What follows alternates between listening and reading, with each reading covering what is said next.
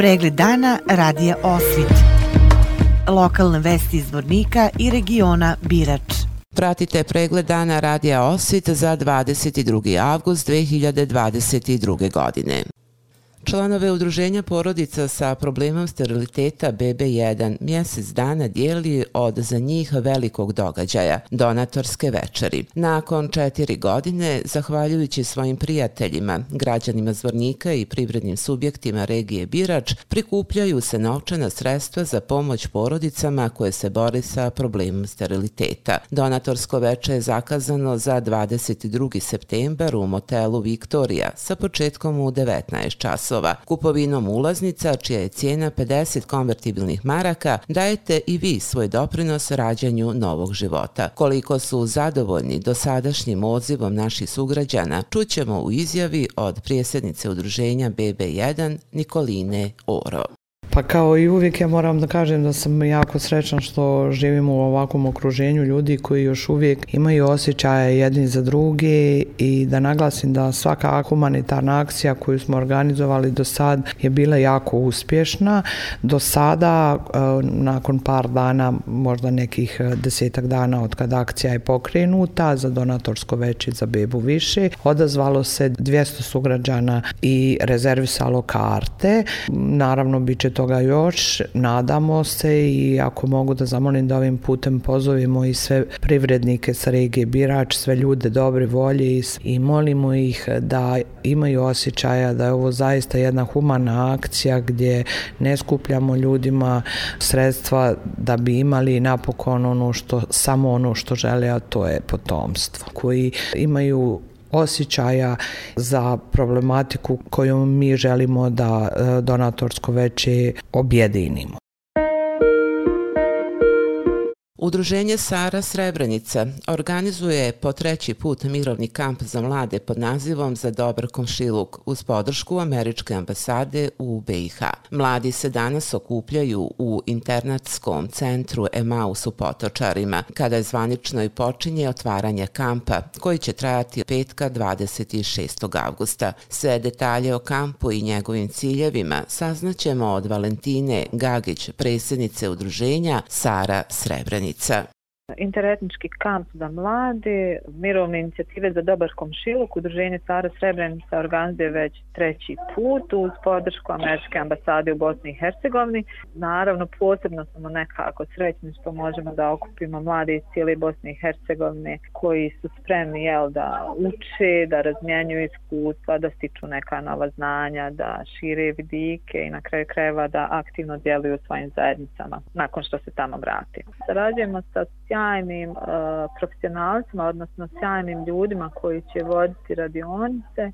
Pored formalne edukacije pripremili smo i mnoštvo zabavnih sadržaja, tako da evo, uh, vrlo smo uzbuđeni o, o danima koji slijede. Sadržaj je onako šarenovik zaista i nekako nastojimo da im damo priliku da čuju o temama koje su onako životne, o izazovima koje, s kojima se susreću u različitim nekim situacijama i kao jel, pojedinci, kao kolektiv na kraju krajeva u Bosni i Hercegovini sa brojnim izazovima koje se naše društvo suočava i naravno fokusirat ćemo se nekako možda malo više na alate koji će njima doprinijeti da budu aktivni građani, ali na alate kako da prepoznaju e, različite problematične situacije, kako da djeluju u, u, u takvim situacijama. Bavit ćemo se i medijima, bavit ćemo se i nekim različitim manipulacijama koje, koje je i mediji i politike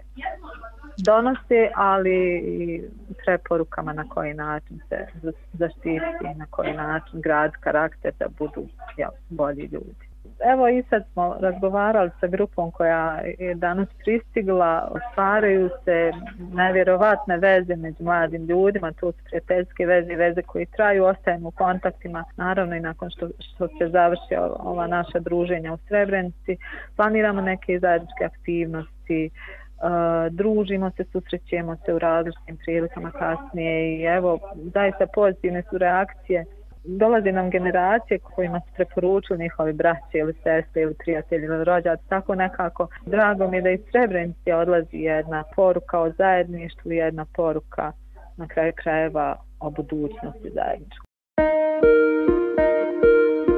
Građani koji svakodnevno prelaze most u Karakaju, koji spaja mali zvornik i zvornik, suočavaju se sa gužvama prilikom prelaska.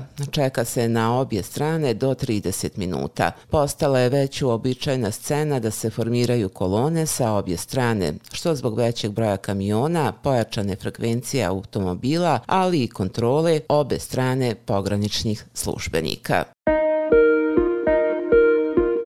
U subotu je u naselju Klještani u opštini Vlasenica svečano otvorena asfaltirana dionica puta Luke Klještani. Načelnik Vlasenice Miroslav Kraljević je rekao da je sljedeći projekat koji će ovdje biti realizovan kvalitetno snadbijevanje vodom u cilju povećanja kvaliteta života na selu. U nastavku o sportu. Nakon što je utakmica četvrtog kola prve lige Republike Srpske između Drine i radnika iz Bijeljine prekinuta u subotu zbog obilne kiše, donijeta je odluka da se meč igra sutra. Utakmica na gradskom stadionu zakazana je sutra za 17 časova.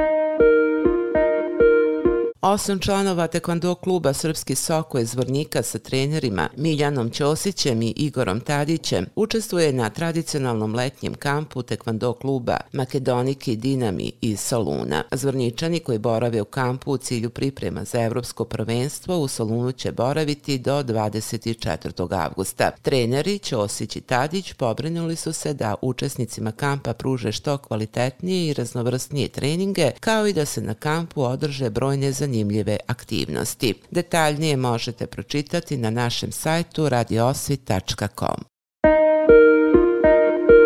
Pregled dana radija Osvit. Lokalne vesti iz Vornika i regiona Birač.